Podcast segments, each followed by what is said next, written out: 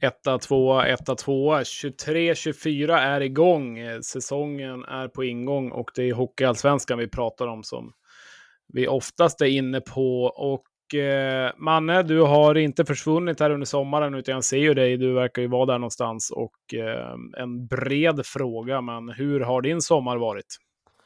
Ja men tack för frågan Jesper och snyggt öppnat. Jag tänkte jag undrar om jag ska öppna den här säsongen. Det är ändå, det är ändå någonting att liksom starta en säsong. Vad, vad säger man det första man gör?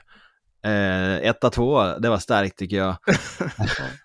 Nej men jag, jag, sa det på jobbet när jag kom tillbaka, att det här är nog första gången sedan jag fick barn som jag känner mig lite piggare efter semestern än innan. För annars har det mer varit liksom som en lättnad att komma på jobbet och typ få vila ut.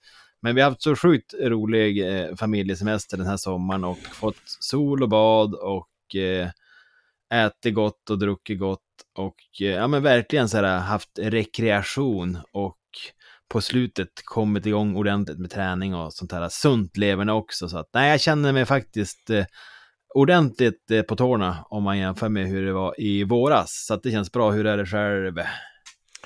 Ja tack, jag trodde aldrig du skulle fråga. Nej men eh, kul att höra att du har fått eh, krya upp dig, höll på att säga, eller ladda lite batterier. Det är ju viktigt och det har faktiskt jag gjort också och det har jag verkligen känt att jag har behövt. Så att eh, den här datorn som jag sitter vid eh, har verkligen varit stillastående. Den, eh, jag fick börja med att försöka hitta kablar för att ens få igång den. Så att så, så chill har det varit på den fronten.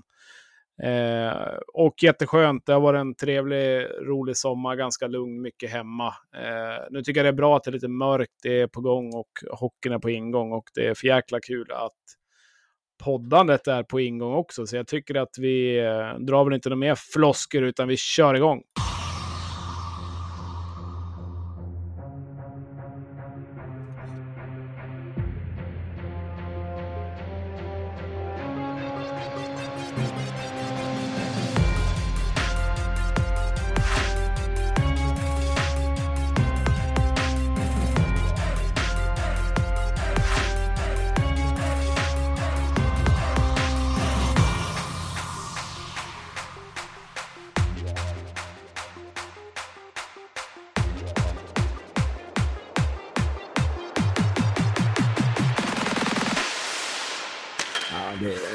Sannoliken festivalstämning här i poddstudion. Jesper sitter och viftar med en flagga här till hjärtat. Jag tror han håller på att riva sin studio där på andra sidan. Men nu är vi verkligen igång och vi tänkte köra ett litet försäsongsupplägg här de här kommande fyra veckorna innan seriepremiären då vi tar och går igenom lagen i serien ganska ordentligt.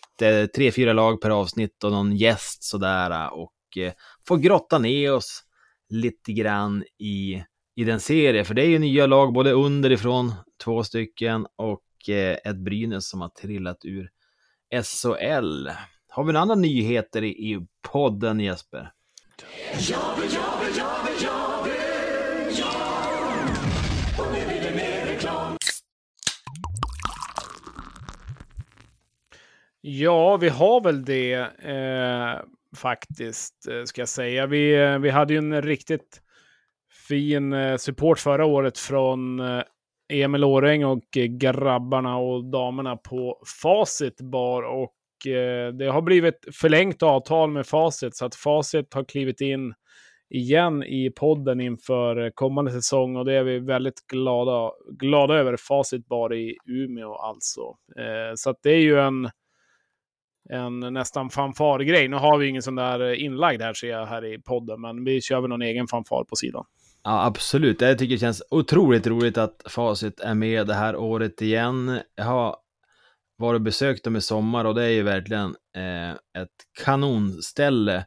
Men har man inte vägarna förbi där så tycker jag åtminstone att man ska börja med att gå in på YouTube och kolla på Emil Årängs egna YouTube-kanal som heter Café Åräng för att han Alltså även om man inte ens, man behöver inte ens vara intresserad av sprit för att det ska vara underhållning. Han är en otrolig programledare och eh, entertainer. Så gå, eh, kolla bara på YouTube på Café Åräng så då har ni lite underhållning där också. Yes, men om vi ska in på, liksom på det spåret, vad har facit i pipen här framöver? Det, jag har hört att det ryktas om plankstek. Ja, det är ju en favorit faktiskt. Facit kommer köra en Ja, eller går man in på facitbar.se så ser man ju hela deras eh, kalender, vad som händer. Men 14 september då, då är det världspremiär och då kommer de byta lite inriktning på matsalen. Eh, och det blir eh, Facits plankstekshus som ser ljuset. Och jag pratade med Emil tidigare här under dagen och eh, sa vad ska vi hitta på för något roligt till podden då? Och sa han det att det här är på gång och eh, det är egentligen att göra någon svensk steakhouse. Ja, vad blir det då? Det blir en plankstek så att det kommer bli riktigt intressant och eh, det ryktas om något träslöjd och allt möjligt där så att det verkar vara något eh, härligt på gång. Så kom och testa det. Gå in på facitbar.se och eh, är ni intresserad så så hittar ni någonting där eller så går ni in och köper lite merch som jag har bakom här, en snygg t-shirt som du också har mannen någonstans där hemma. Så att, eh, det, är väl, eh, det är väl det helt enkelt om facit. Absolut. Eh, jättekul att de är med. Eh, jag tänker att vi ska ta och eh, börja dra igång hockeysegmentet i den här podden, för det är ändå det, vi, det, är det som är vårt huvudämne. Och, eh, I dagens avsnitt så har vi fyra lag vi tänkte gå igenom. Det är Nybro, Djurgården, Östersund och Södertälje. Mm. Och jag tänker att vi ska börja i nykomlingsänden i Nybro, där jag har, har djupdykt lite grann i truppen och eh, kring organisationen. Och sällan har väl en nykomling varit så uppskriven som de har varit. De hade ju en rafflande avslutning där i Hockeyettan-kvalet som vi kommer ihåg från i våras. Som vi följde upp och de fick ta steget. Det verkar vara ett otroligt drag i stagen, stort sug efter ishockey. Och de har verkligen gjort eh, en ansats eh, att etablera sig i Hockeyallsvenskan. De har värvat rutinerat på samtliga positioner egentligen. Om man börjar den på tränarbänken så har de ju tagit in Tommy Samuelsson, eh, rutinerad gubbe från bland annat Skellefteå AIK och senast nu tog han ju upp eh, HV71 eh, till elitserien. det är lite statement ändå att plocka in han sådär. Ja, jag menar det. Alltså, om man kollar på de nykomlingar som har varit, det är ju inte någon som har varit i närheten och haft den liksom kalibern på bänken. Och jag tänker med den, det bagage han har så har han liksom, han borgar ju för något slags stabilitet. Det är ju ingen liksom glamourhockey eh, som är hans grej, utan det kommer ju, de kommer ju få jobba. Ja, verkligen. Men eh, jag tycker Nybro känns superintressant faktiskt. Vad, vad har du hunnit dyka i dig då om vi kollar generellt sett i ja, truppen som ja, du tycker är intressant? Tar man ett snabbdyk i alla lagdelar så kan man ju se på målvaktssidan så har man fått in Tex Williamson från Modo. Eh, rutinerad målvakt. Vi vet ju precis vad han går för. Toppmålvakt mm. i ligan i sina bästa stunder. På backsidan så finns ju Niklas Torp som sticker ut från HB71.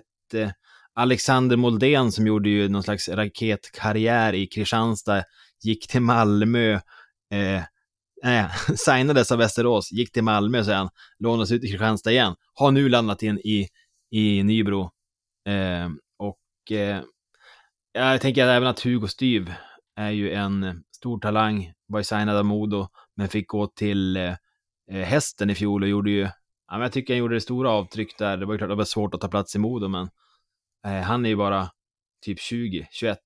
Eh, ja, det är väl perfekt att hamna i en sån klubb, tänker jag. Ja, jag tänker han kommer få en stor roll och liksom kan gå bredvid en sån som Niklas Torp och få, få lära sig mycket.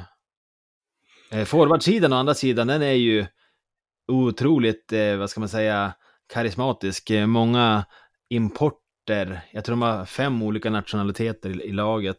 Eh, bekantingar som Richard Marenis som hade stora förväntningar på sig i fjol i Modo. Eh, gick inte där, for till Örebro, har nu landat in i Nybro igen och det kanske är en miljö som passar han. Är ganska liknande där, där han blommade i hästen med liksom inga förväntningar utan han kan få vara lite stjärna och eh, ja, vad tror du, studsar han tillbaka i år? Eh, vem Marenis? Ja.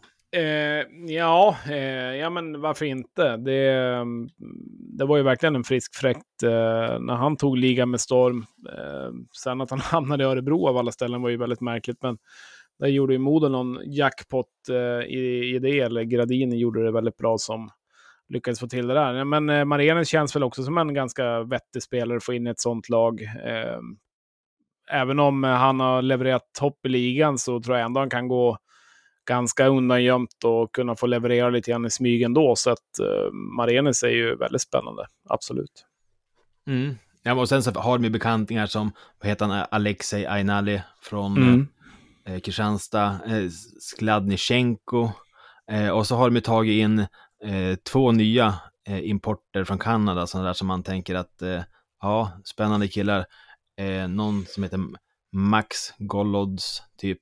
Och så en som heter Alex Tånge, som har sprutat in poäng i tyska andra ligan. Att, ja, det, det finns ju liksom ingredienser, det är mycket som är oprövat. Det kan ju liksom bli jackpot att de går som tåget. Men det här skulle ju lika gärna kunna bli total pannkaka med tanke Ja, på... men det är kul, kul truppbyggen då, det måste Ja, man men det säga. är otroligt spännande. Det känns lite grann som när man själv kanske kör någon manager, liksom, att man bara liksom plockar lite här och där och bara, ja men det här ser bra ut och så vidare. Och så bara drar man ihop någonting. Men det var ju som när vi hade Håkan Lönngren med eh, Nybro-profilen. Nybro-profilen, ja. Och då var det ju lite grann när man kollade hockeyn runt omkring. Det är ganska tätt där med massa lag och han var väl mer orolig rent ekonomiskt att de skulle liksom få ihop det. Men kollar man på det här så lär det ju ha spenderats en del pesetas eh, ändå i laget. Så att eh, det får väl bära eller brista då för Nybro helt enkelt. Ja, definitivt. Eh, spännande nykomling. Sällan vi har haft en sån profilstark nykomling, så att det blir, det blir kul. Eh, jag var lite deppad över till Smålands lag, men med draget som de har där nere och att de har förstärkt så här, ja, det ska bli spännande. Ja, det hade faktiskt varit, nu kanske det inte kommer bli av, man vet ju att man har andra saker i livet också vad det verkar, men det hade varit faktiskt för jäkla kul att åka till Nybro och se en match. Eh, jag har inte varit i den hallen och det är ju drag där, det är ju kul med lite kultur, så vem vet man, vi kanske kör någon studieresa dit ner, vad tror du? Ja, fatta mycket poäng vi kommer tappa i Småland i år. Alltså skulle vi lära oss vinna i Småland, då kommer vi sopa hem den här serien, men det är väl Småland som ska sätta käppar i hjulen även den här Ja, gången. det var väl Tingsryd och Kristianstad borta, eller vad vi hade, och Västervik när det, när det bar sig. Ja. i, i förra säsongen. Nej, men eh, Nybro känns eh, superintressant och vad man har kollat också lite grann på sociala medier och så vidare så verkar det finnas bra intresse kring. Det är många, många som man har varit inne och småkikat på lite grann som följer laget och så vidare. Så jag tror att vi kan, eh, det kan bli bra med Nybro. Vi kommer säkert få anledning att bjuda in någon eh, från Nybro-håll också eh, som har lite bättre koll framöver. Så att, eh, nej, men kul nykomling. Mm. Om vi har förlorat i Småland så kan man ju säga att vi har bittra erfarenheter från Stockholm också, där vi gjorde sorti i semifinalspelet i fjol.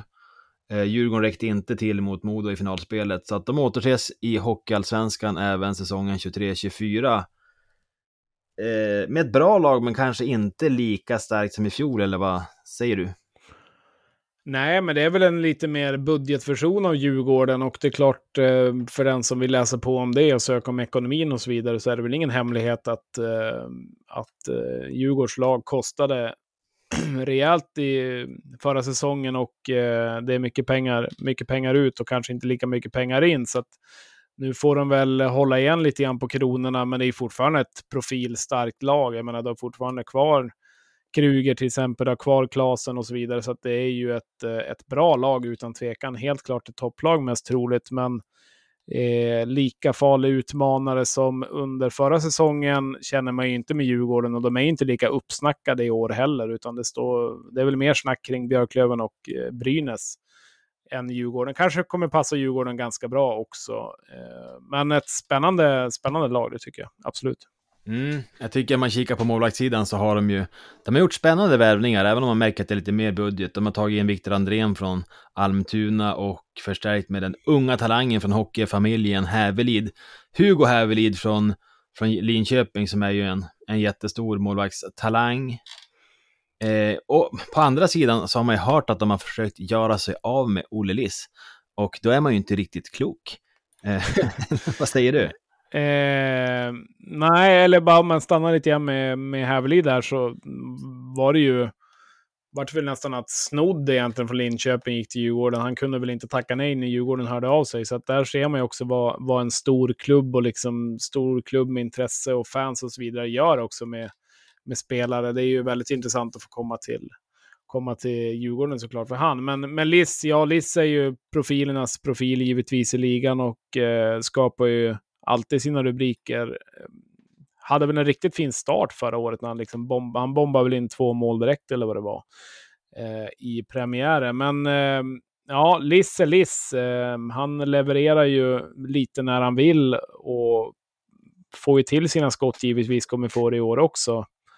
Eh, men frågan är om Liss hade varit kvar ifall Djurgården hade fått växla upp rent ekonomiskt även i år. Jag är, jag är ändå tveksam. Nej, de, de har ju kastat lite igen under bussen och satt den i någon slags eh, checking line där i fjärde där man liksom får, får nöta på. Och Olle kan ju göra det också. Eh, han gjorde ju trots allt flest mål i grundserien i fjol. Sen vart petad från powerplay och liksom inte levererade riktigt i slutspelet. Och det är klart, blir man undanskuffad där så då gör man det inte. Nu har de plockat in eh, Anton Gradin som ja. gjorde ju målsuccé i Tingsryd i fjol. Han hängde väl 29 baljor eller något sånt där. Och han är väl den killen som är tänkt att göra eh, lissmål i år.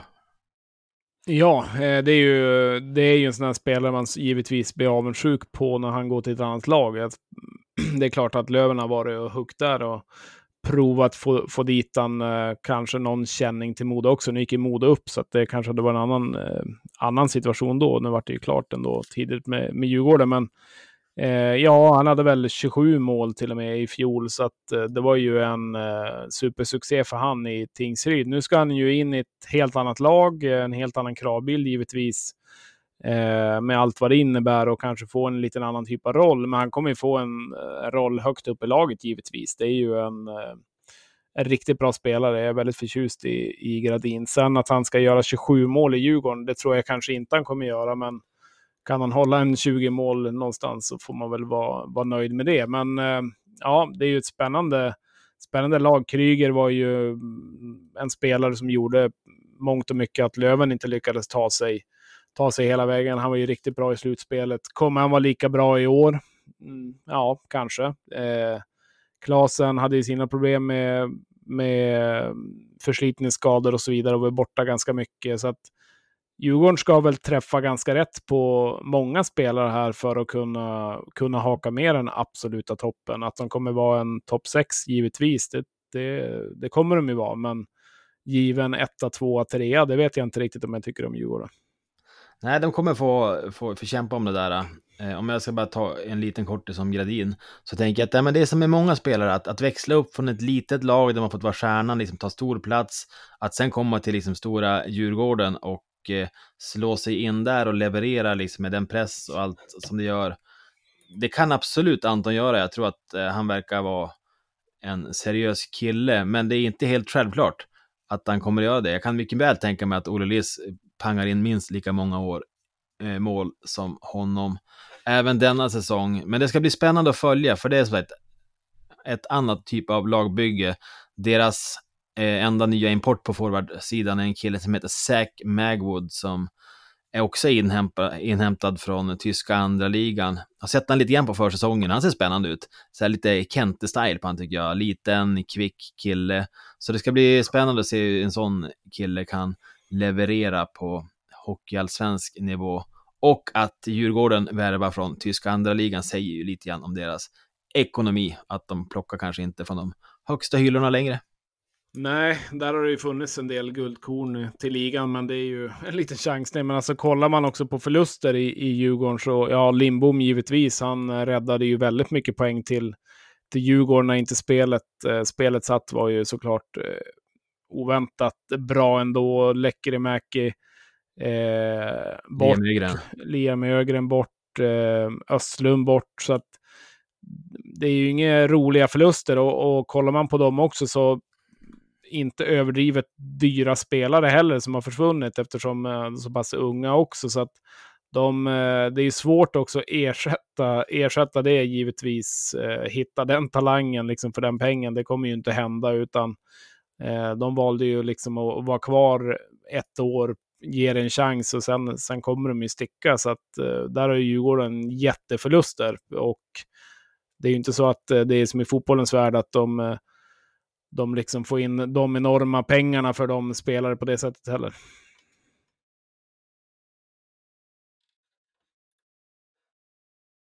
Försvann du nu eller?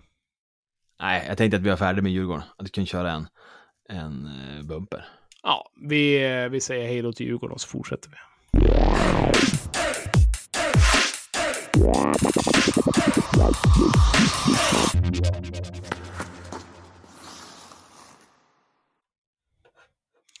Ja, eh, Djurgården, tack så länge och Nybro. Eh, nu kliver vi in och eh, kliver fram till en som inte är nykomling längre som höll sig kvar, eh, Östersund. Väldigt eh, roligt intåg här under förra säsongen. Det var ju härliga matcher de hade där. Det var svängdörrar fram och tillbaka och det var mantler som helt plötsligt stod på huvudet från ingenstans och så vidare. Så att Östersund det var en kul, kul nykomling och eh, jag antar väl att de kommer vara kul i år igen, eller vad säger du, Manne? Ja, men det ska bli spännande att se hur, hur de lyckas eh, ta sig an det här andra året. För att, som, precis som du sa, de var ju väldigt mycket upp och ner i början av säsongen i fjol. Eh, de hade en Alexander Anderberg som var kanske orimligt bra som backplats. Det såg jag inte komma att han skulle vara så dominant och göra så mycket poäng. Ja, shit vad bra han var faktiskt. Det måste man säga. Ja, eh, och de har ju dessutom ett Löven målvaktspar med våra gamla keeprar Isak Mantler och eh, Alex Teorio. På förhand tycker jag det känns som ett relativt svagt eh, målvaktspar. Vem tror du kommer knipa första spaden av de två killarna? Ja, eh, jag förväntar mig kanske inte att de ska ha överdrivet mycket bättre målvaktspar så heller, men eh, ja, det känns ju verkligen som 50-50 där på något sätt. Det är inte någon given etta på det sättet. Nu såklart var ju Mantle det i fjol, men det året kommer ändå stå sig lite högre och kommer väl inte dit för att stå liksom 10-15 matcher, utan nog vill han säkert spela mer. så att Eh, Eh, ja, jag skulle visa på att Mantler får gå som, eh, gå som etta till att börja med. Sen får väl Diorio spela in sig där i, i truppen. Men det kommer säkert vara ganska jämnt målvaktspar ska jag gissa. Men eh, det är ju inte två, två väggar som står där bak heller. Nej, man ska inte alltid lita på Elite Prospects siffror, men alltså eh, Alex Diorio, han är två centimeter längre än Isak Mantler, men 15 kilo tyngre det är ändå maffigt för att vara målvakt. Ja, det är 7,5 per centimeter. ja. Backsidan då? Eh, de har förstärkt med kanske den mest profilstarka är väl Josef Ingman som inte fick eh, förlängt trots två utslagna tänder och eh, avancemang med Modo så hamnar han i i farmarklubben höll jag på att säga, men det är det ju inte, utan de ligger lite nära varandra. Eh, I Östersund och mm. får väl dra det här lasset tillsammans med eh, Kalle Johansson, våran gamla back, och kanske Andreas Söderberg som har varit runt, runt lite grann i Hockeyallsvenskan och är ju en stabil pjäs. Anton Öhman även kom in, Hörnefors-bördig. Eh, han har ju verkligen haft en brokig karriär och får väl se när han är tillbaka här i Hockeyallsvenskan om han kan komma upp i nivå igen.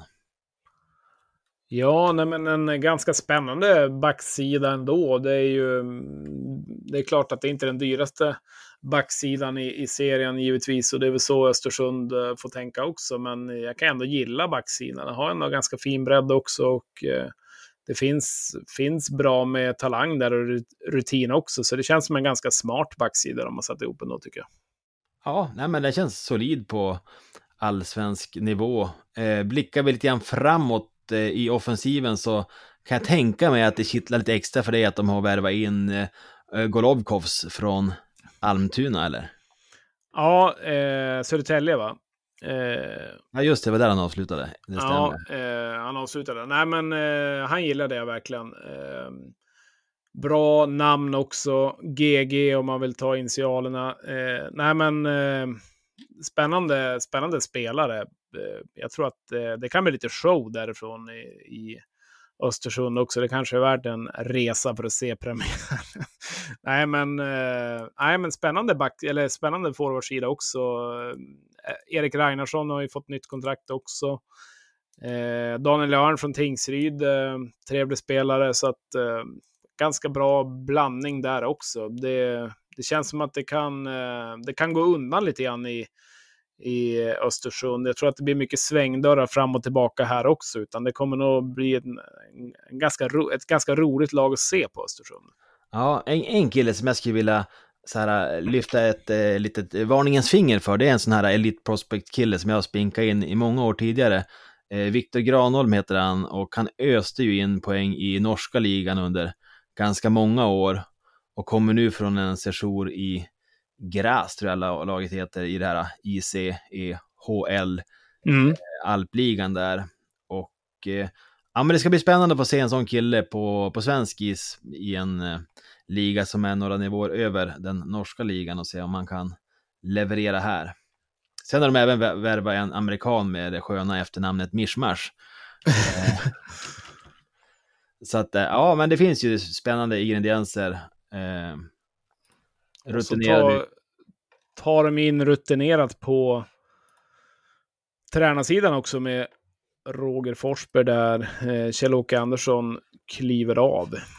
Jo, men de fick en övergång i fjol då Roger klev av i Boden var det va? Och Mm. kom in under slutdelen av säsongen. Så jag tänker att de fick ändå en, en ganska mjuk övergång där. Och eh, vi får väl också passa på att hylla Kjell-Åke eh, lite extra för, för alla de liksom, år han har gjort i den föreningen. Och vi hade ju med hans son här i fjol som, han har ju som varit med hur länge som helst. Och att, att ja, men tänk att jobba så länge i en förening och få avsluta med att först ta upp klubben och sen hålla dem kvar och sen lyfta på hatten och säga tack för mig. Ja, det är ju det är så grymt alltså. Det är det ju, verkligen. Eh, nej, så att Charlie, Charlie i Östersund ska vi, ska vi nog hinna ringa upp i år också. och Se vad han tycker och tänker om, om laget. Men, eh, nej, men Östersund tycker jag känns, känns spännande. Vad, vad de ska ha för målsättning i år. Ja, eh, de kommer såklart möjligtvis husera, husera där nere. Eh, gjorde en stark säsong i fjol ändå tycker jag. Så att, det blir spännande att se vart de, vart de tar det, men eh, någonstans i botten 4-5 lär de väl kanske ligga, men det brukar alltid bli någon som skräller. Ja, men det är väl rimligt att tänka. Och på tal om att ringa upp så tänker jag att inför vårt sista lag här, Södertälje, så då tar vi och eh, ringer upp någon för att få lite extra energi och lite expertis kring det laget. Ja, inte ringer jag inte. Ja, vem fan är du då? Ja, men äntligen får vi ringa upp säsongens första gäst och vi slår en signal till 08 Land där vi har kontaktat journalisten Andreas Hansson. Visst säger jag rätt då? Ja, det stämmer bra det. Alldeles riktigt. Vad kul att få vara första gäst också. Vilken ära. Ja, ni är härliga grabbar. Vi eh, gör faktiskt en dubbel take på det här, det ska jag erkänna. Vi, eh, vi hade lite problem med tekniken, så att ni, men vi kör, på, vi kör på igen. Andreas, kul att du ville gästa. Eh, Södertälje är, är på schemat. Ett väldigt intressant lag tycker jag och eh, ett roligt lag att ha i samma serie som, som Löven. Det är alltid trevliga matcher, men Södertälje SK är på gång, eller vad säger du? Ja, men så är det väl. Alltså, det, det har nog inte varit sån här stor optimism i klubben sedan elitserieåren. Och det är ju, ja vad är det, 13 år sedan nu. Så att eh, det är, eh, ja man, man har fått ihop någonting väldigt intressant. Man har någonting på gång liksom. Och man har organisationen, man har förmodligen spelsystemet, man har truppen också tror jag. Så ja, det ser bra ut. Ja, min känsla är lite liknande. Om man jämför den känslan det var då Per Kente kom till Löven som det var när, nu tappar jag namnet på Emil Georgsson, då han kommer till Södertälje och liksom prickar de här värvningarna första säsongen, man får det här draget i föreningen, man hittar en tränare som, eh, som lirar med sportchefen och man får ihop någon slags helhet som, eh, som börjar på att fungera och då, ja, men då växer ju intresset i stan. Södertälje är en anrik förening som har haft mycket supportrar och ja, men nu, nu väcks intresset igen och det kan bli ett eh, drag där i år, för det är ju stora förväntningar på den här truppen och jag tycker det är med all rätt. Eh, vad säger du Andreas som har följt dem lite närmare här under försäsongen? Ja, nej men, eh, ja, alltså egentligen har ju optimismen eh, börjat innan försäsongen också. Det, det, försäsongen har egentligen inte bjudit på någonting överraskande så här långt, men, men man har inte gjort så jättemycket förändringar. Man har, man har eh, tappat några spelare som man alltid gör. Man har fyllt på dem med, med ganska bra spelare. Eh, namnkunnigt, några återvändare och än så länge ser de flesta av nyförvärven ganska bra ut faktiskt. Så det finns liksom inte så mycket att klaga på. Det, optimismen grundar sig ganska mycket i att, att supporterna tror väldigt mycket på just den här organisationen och, och, och det de försöker göra. Så ja, det, än så länge är det ingen som har någon anledning att oroa sig i alla fall. Om vi ska dyka in i nyförvärv så kan vi ju Eh, kika på målvaktssidan direkt, där är båda nya. nya. Nikita Tolopilo, eller vad han nu hette efternamn, har lämnat eh, ett stort eh, tomrum efter sig och det ska fyllas av våran gamle Löven-målvakt Claes Endre, men kanske i första hand av amerikansk-dansken eh, Thomas Scholl. Hur, Mm. hur har de sett ut och hur ser liksom styrkeförhållandet ut mellan de två keeprarna?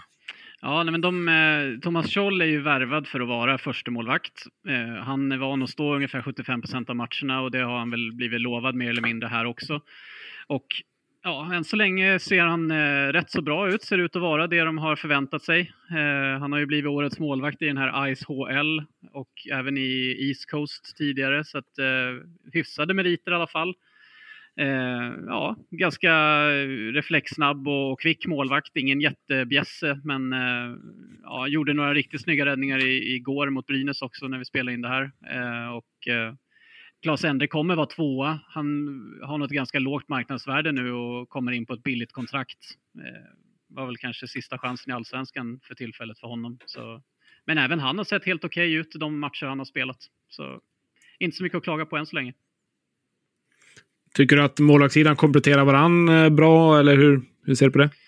Ja, svårt att säga, men det är väl att eh, de är ju ganska liknande i målvaktsstilen, Endre och Scholl just nu. Eh, eller de är ju det helt enkelt, kommer vara det. Mm. Eh, och det ser man väl som någonting positivt i det här fallet. Så det är en viss skillnad mot Tolopilo som var nästan två meter lång och, och jobbade mycket på, med sin storlek. Eh, men eh, ja, det, det är i alla fall ett, ett, ett styrkeförhållanden är i alla fall att Scholl är, etta då som sagt. Så att eh, får se vad Endre får för mängd matcher och vad han kan göra.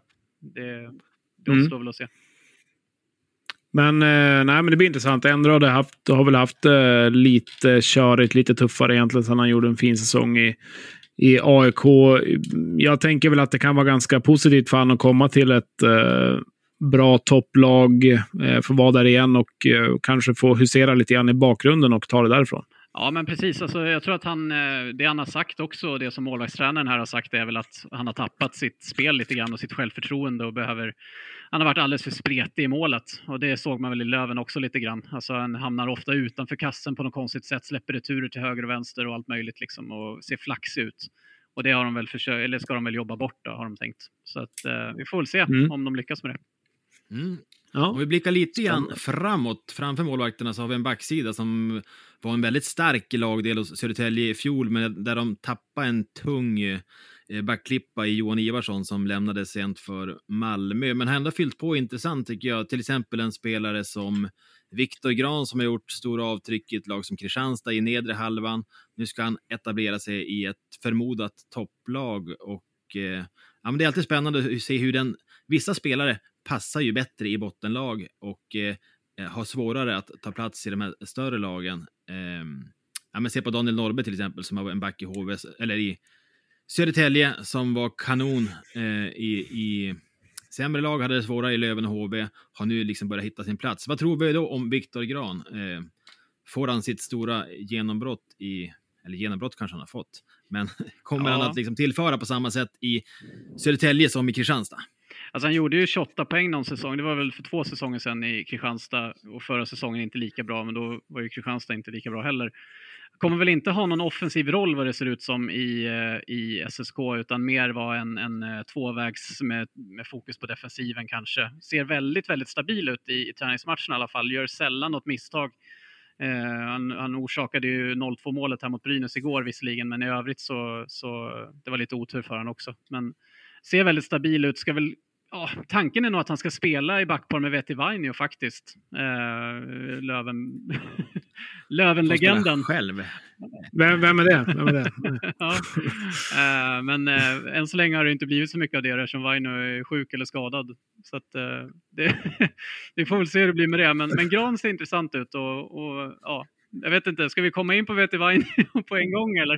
När vi ändå har Ja, Ja. men det måste vi göra. Vi har ju såklart det som punkt och eh, Vainio är ju en man med rubriker och det passar ju såklart eh, dig också då på LT-sporten. Och du fick ju en liten eh, härlig rubrik att skriva om där när han skadade sig här på försäsongen. Vad var det som hände egentligen? Ja, äh, otroligt dråpligt. Alltså, han, eh, det var ju någon sån här jippo när eh, småknattar ska få träna med A-laget och, och sådär. Då lyckas han och, på något sätt och, och bli fälld eller han klev på någon klubba på någon, som någon unge hade droppat där och så ramlade han, klämde fingret så att fingret sprack så han fick sy en massa stygn och så här. Det låter liksom så här riktigt nasty. Uh, och uh, ja, blev ju, ja, nu, är han ju tillbaka så det är inte så farligt men uh, nu var han ju sjuk igår. Men ja, det, det, känns så typiskt på något sätt att av alla spelare så är det just han som åker ut för en sån där sak varje gång. Ja, ja det är sjukt alltså. Ja. Det är otroligt. Men alltså, BT Vainio, får man ut hans hela potential så är det en kanonspelare. Om man ska se på hans säsong i Löven i fjol så var han ändå med VT Vainio-mått relativt skadefri, gjorde 30 matcher. Men i slutspelet då det skulle avgöras spelade ganska huvudlöst, både ganska farligt, alltså farliga tacklingar, men gick också bort sig offensivt rätt ofta. Så att jag tror det blir viktigt för Bogren i Södertälje att implementera han ganska tydligt i spelsystemet för att de ska få ut den, hela hans potential. För då har de ju en, en riktig storback faktiskt. Det blir väldigt intressant när han, ja, väl, förlåt, när, när, när, han väl spelar. Så, för han värvades ju, Georgsson, sportchefen, sa ju liksom att de var ute efter en lite roligare back innan det blev klart att det just var han. Och eh, vad, ja, betyder det att han ska få lite fria tyglar då? Eller, eller ja, vi får se. Det, vi har inte sett så mycket av det än, men jag var ju i Danmark här och såg två matcher med SSK som de var på och då, då åkte han runt och gjorde massa kroppsfinter och sånt där hela tiden. Men det var så dåligt motstånd också så att då kunde han ju showa lite. Men nu, vi får se när serien börjar. Ja, det ska bli väldigt spännande. Ja, nej, det blir intressant. Jag hoppas det jag hoppas det går bra. Han lär ju givetvis göra mål mot Löven eller liknande, så det kan vi ju skriva upp. Eh, men eh, forwardsidan är ju rolig att se på, alltså man läser på den också. Det har hänt ganska mycket roligt. Eh, Dyker tillbaka. nu har ni varit borta då. Blomstrand tillbaka, men såklart det som drar mina blickar till sig och flera andra är givetvis Marcus Eriksson som vi hade med i podden här två gånger i slutet av förra säsongen. Eh, fick ju tyvärr gå från hästen, eller det blev ju så med tanke på det som hände för Vita Hästen tyvärr. Men Marcus Eriksson, eh, hur, eh, hur känns det att ha han i Södertälje? Jag tycker det känns eh, skithäftigt på något sätt.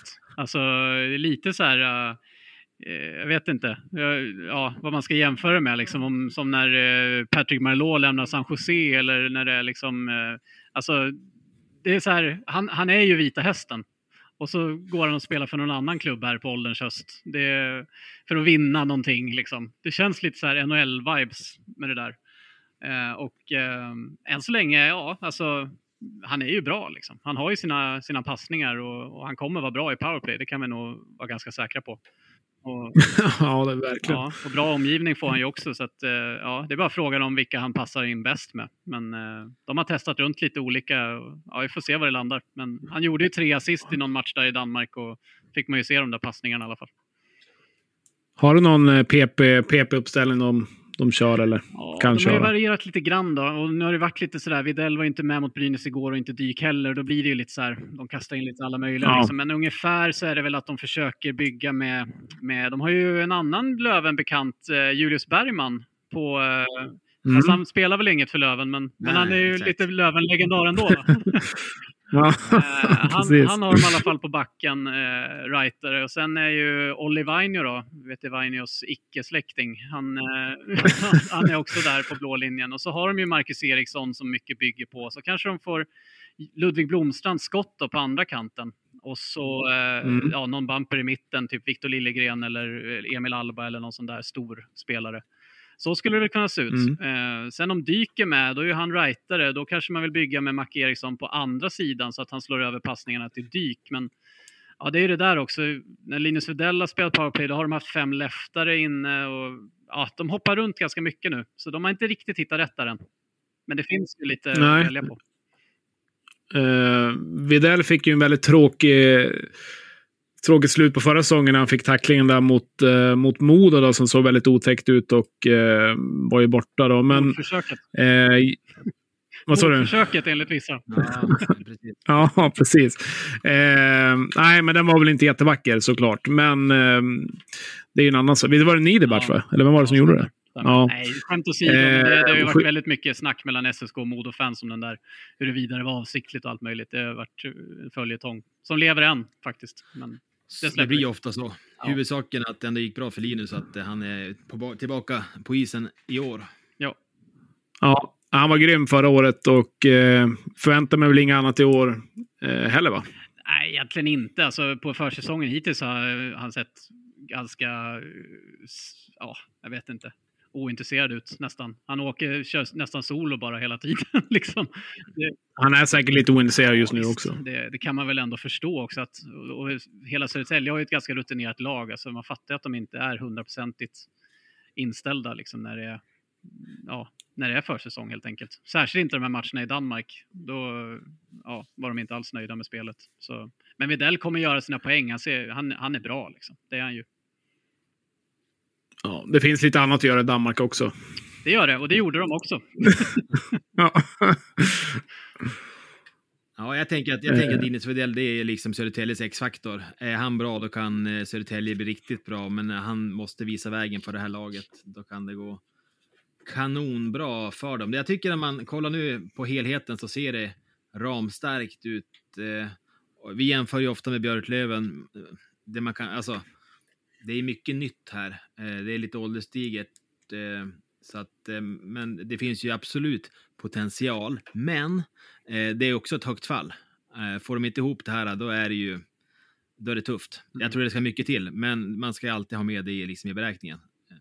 Jag tycker Löven har väl lite mer bredd ändå på sin, sin trupp, tycker jag. Eller alltså det, det, det är ännu mer stabilt rätt igenom på något sätt i, Löven, som jag ser i alla fall.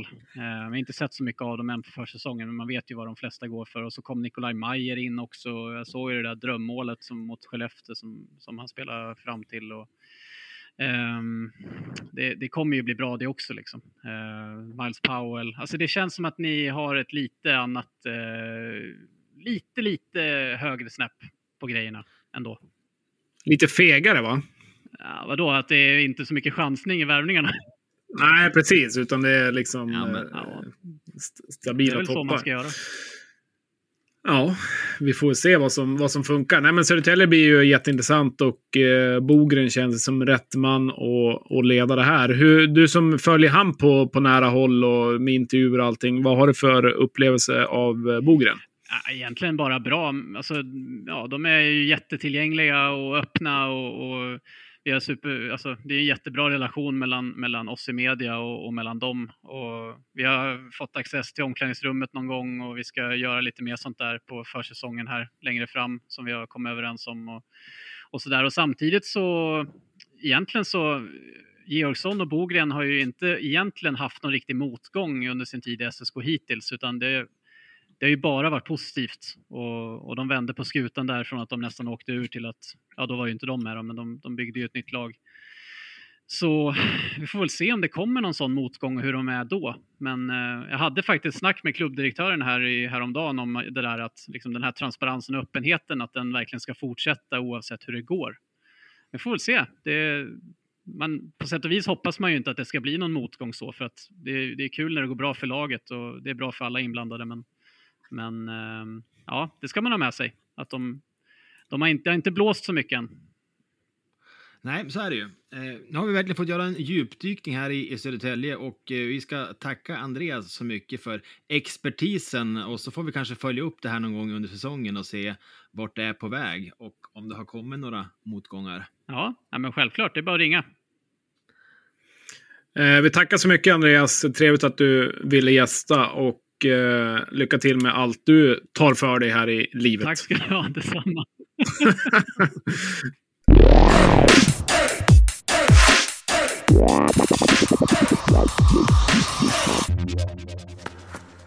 Ja, men alltid härligt att ha med lite, eh, att få lite expertis från eh, de som verkligen följer lagen på nära håll och eh, det är väl något vi ska fortsätta med de kommande avsnitten här för att få djupdyka lite extra i några av lagen. Ja, och vi fick ju önska, eller jag fick ju önska en lycka till med livet också, så det kändes, kändes bra liksom. En, en väldigt, ett väldigt bred avslutning på något sätt. Stort avslut. Men du, nu är vi uppstartade här på säsongen och eh, även i år så finns det väl möjlighet att stötta oss via Patreon. Ja, och det är väl eh, ännu större chans, eller ännu större, vad ska man säga, reward att göra det i år. Vi körde på ganska mycket under slutspelet och släppte, släppte mycket. Sen, eh, sen har det inte blivit eh, direkt någonting under sommaren och stort tack till er som ändå har valt att stödja oss givetvis. Det har betytt eh, väldigt mycket. Och vi kommer väl växla upp här lite grann och tanken är väl också att kunna, kunna släppa lite grann i förtid. Nu spelar vi in det här avsnittet lite, lite några dagar innan eh, släppet eh, och eh, då kan vi till exempel släppa det tidigare till, eh, till de som är Patreon, men alla kommer ju få ta del av det givetvis. Så att eh, ni får givetvis gå in och stötta oss och då är det patreon.com radio 1970 och eh, tanken är inte bara att det ska vara liksom eh, en stöttning och ni får ingenting tillbaka, utan vi försöker växla upp och ge så mycket gott vi kan göra med intervjuer och så vidare. Så att, eh, det är väl tanken, Emanuel. Absolut, man får hänga in i den härliga Discord-kanalen och diskutera ishockey med andra Patreons och med oss. Och det är, en, ja, men det är ett, härligt, eh, ett härligt forum och en härlig gemenskap eh, där vi diskuterar, stöter och blöter hockeyämnen och eh, krämpor och annat som drabbar oss hockeyintresserade. Yes, så är det. Nej, men kika in på det ifall ni är intresserade.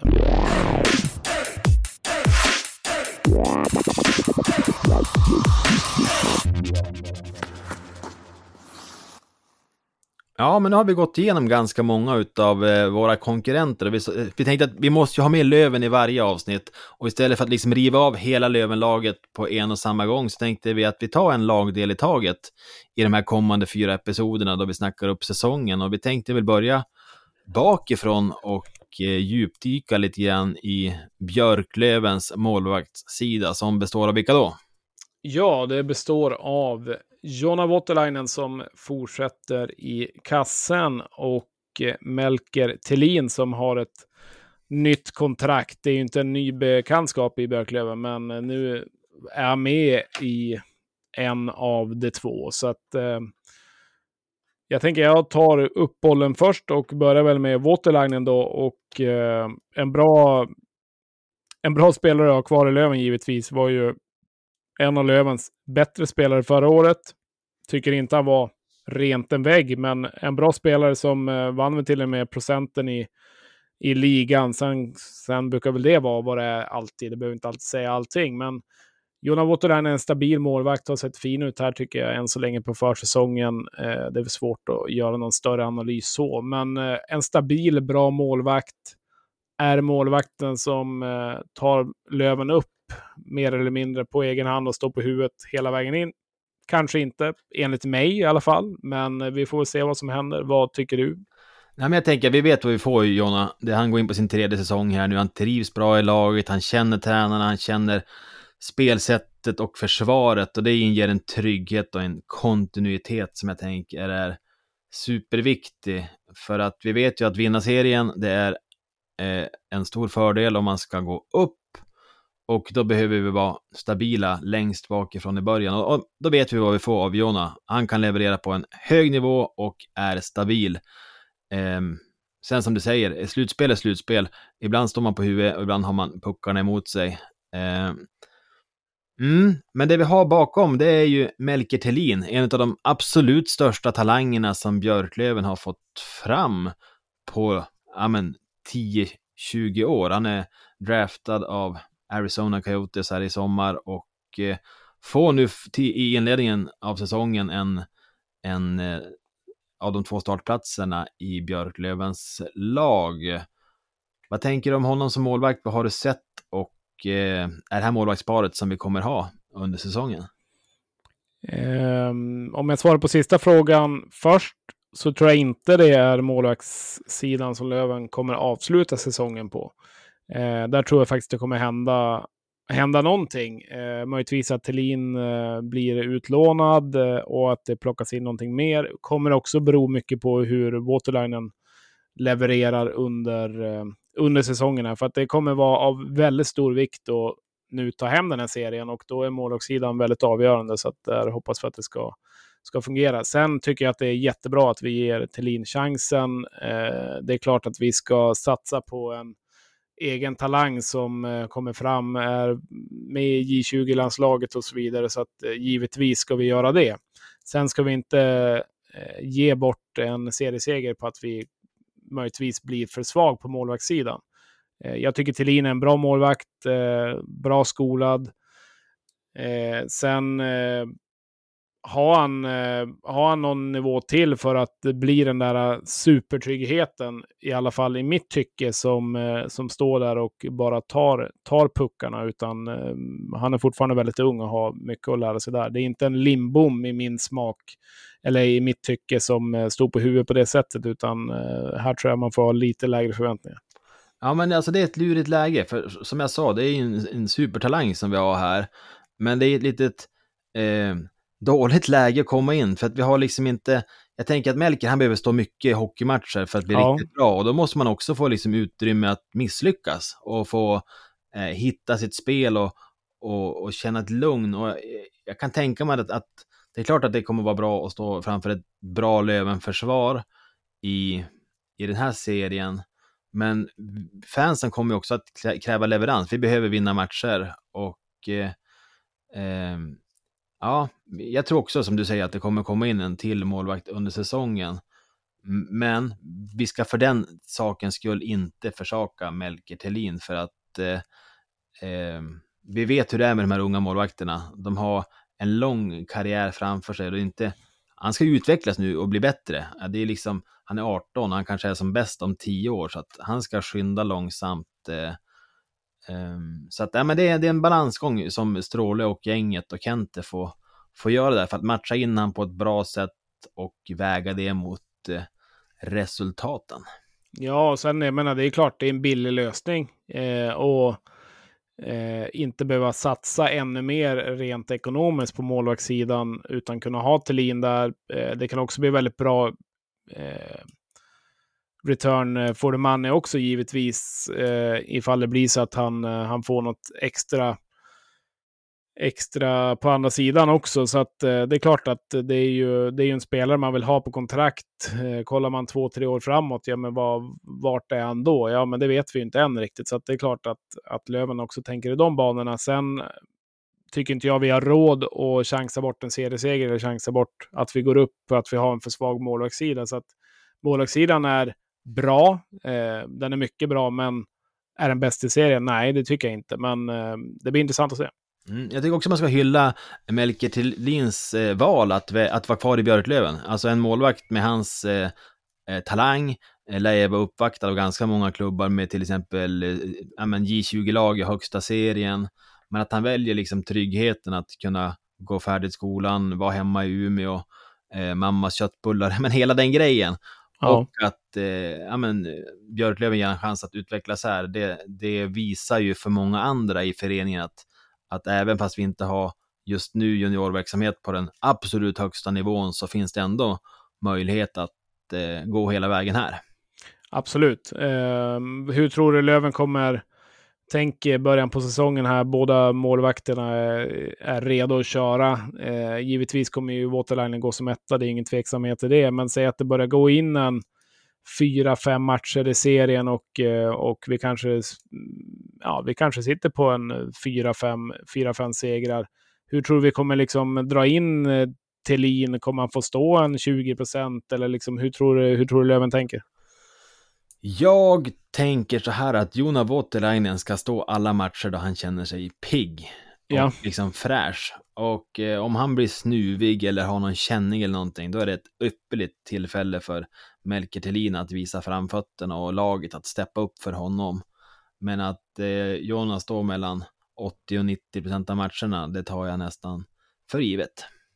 Ja, det blir intressant. Jag tycker mm, senaste åren så har vi ju haft inte 50-50, men eh, båda målvakterna har ändå stått, stått ganska mycket. Så det blir intressant att se hur Waterlinen tar det också. Mm, vi ska väl också nämna att Björn Bjurling är kvar som eh, målvaktstränare och eh, han verkar ju väldigt omtyckt, eh, kompetent och bara en otrolig glädjespridare i omklädningsrummet. Ja, det är en jäkla trevlig filur. Så att jag, tror, jag, tror det kan bli, jag tror det kan bli bra, men eh, man ser ändå lite frågetecken kring det. Eh, men det blir intressant att se vart vart det hamnar. Mm. Helt klart.